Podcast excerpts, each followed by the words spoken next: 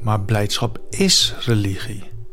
Ik weet niet hoe het met jou zit, maar als ik een goede vriend van me tegenkom, dan word ik daar blij van.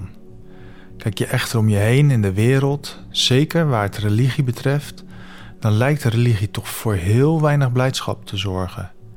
Dan is het kenmerk van religie meer dat we het vooral niet eens zijn met elkaar en dat gebruiken om elkaar het leven zuur te maken.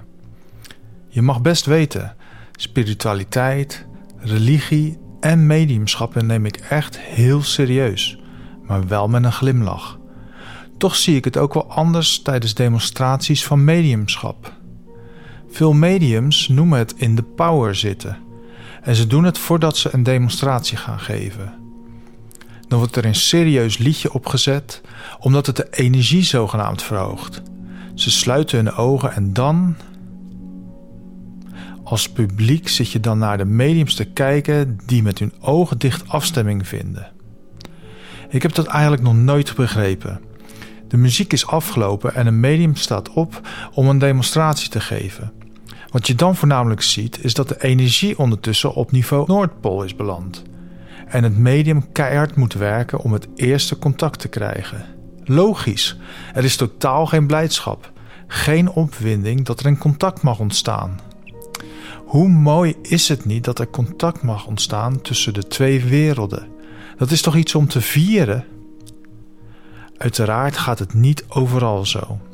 Heerlijk, de demonstraties waar gezongen wordt vooraf en dan het medium met een glimlach het eerste contact legt. En natuurlijk komen er serieuze gesprekken in voor, maar ook prachtige herenigingen tussen dierbaren, kennissen, vrienden of collega's. Soms moet er iets uitgesproken worden waarin het leven geen tijd meer voor was. Soms is het gewoon een berichtje dat alles goed gaat. Maar religie gaat over leven, overleven en de creatieve kracht die we als mens hebben. En uit die creatieve kracht komt blijdschap voort. We maken kunst, muziek, eten, kleding, omdat we daar blij van worden.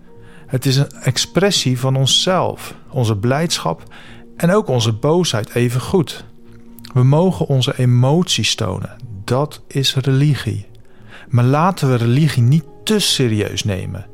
Kijk naar de dansende Soefies, de aanbidders die hun gezangen richten aan God, of de gospelkoren die met elkaar harmonie vinden. Religie mag gevierd worden.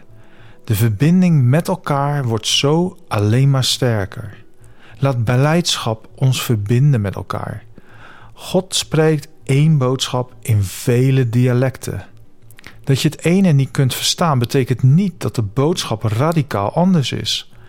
In elk dialect spreekt God haar woord van liefde en broederschap, omdat het ziet dat we alle één zijn.